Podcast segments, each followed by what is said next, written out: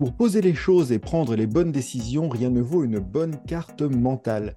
Bienvenue, vous êtes sur J'ai pas le temps pour ça, le podcast proposé par Eric Boucher. Je vous partage des trucs, des astuces, des outils, des méthodes pour être plus efficace au quotidien et terminer la journée plus tranquillement. En trois minutes, je ne vais pas vous expliquer les principes de la carte mentale. Pire, on va surtout s'intéresser à un des logiciels qui permet de faire ça, qui s'appelle Xmind. Pourquoi Parce que bah, il va présenter un certain nombre d'intérêts, parce qu'il est gratuit aussi sur un certain nombre de fonctionnalités, et ce qu'il fallait bien en choisir un, et celui-ci, je le connais assez bien. De manière générale, effectivement, en termes d'organisation, faire des cartes mentales, y compris papier-crayon, peut être très utile. Là, on va s'intéresser à la version logicielle et ce que cela peut amener. En plus, premier point, on parle d'organisation, on parle de tâches, ben, bien évidemment avec une carte mentale ou avec un outil de carte mentale, encore plus spécifiquement, vous allez pouvoir, par exemple, aller gérer vos différents projets, voire les afficher de manière séquentielle pour déterminer les différentes étapes et les différentes actions. Bien évidemment, qui dit carte mentale ou qui dit outil de carte mentale dit aussi d'autres formats comme du logigramme, comme de l'arbre de décision et donc pouvoir gérer un certain nombre de choses. Là où les logiciels s'étoffent de plus en plus, c'est le cas d'Xmind et c'est le cas d'un certain nombre d'autres, Mind Manager en premier peut-être sur le sujet, c'est de pouvoir identifier certains éléments de la carte comme étant des tâches et de pouvoir les suivre de cette manière-là.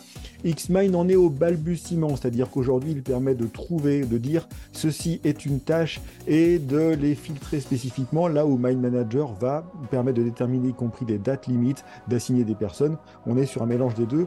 Là, Xmind, on est sur une carte mentale avec des choses qui sont identifiées comme des tâches. C'est quand même intéressant et vous pouvez quand même filtrer l'affichage de votre carte avec les tâches faites ou non faites. Donc ça peut quand même aller euh, déjà vous permettre de gérer une liste de tâches avec la carte mentale.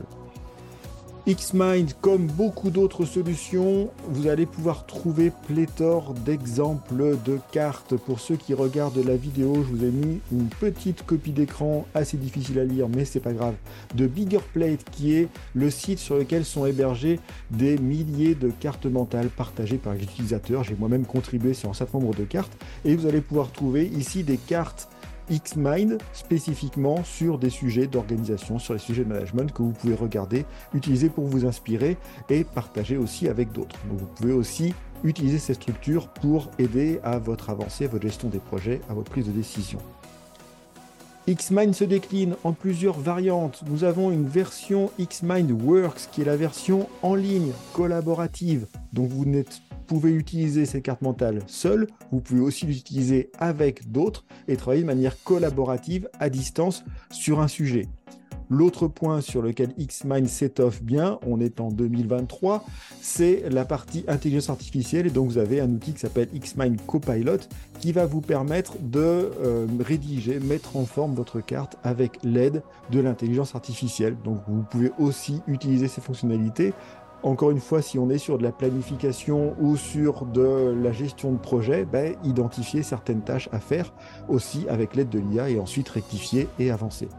Donc voilà une des possibilités pour gérer vos tâches, un outil de carte mentale. Xmind en est un, il y en a plusieurs autres, et il y a beaucoup de bénéfices à utiliser ces outils à la fois dans le domaine de la carte mentale et de la représentation graphique des tâches que vous allez avoir à faire.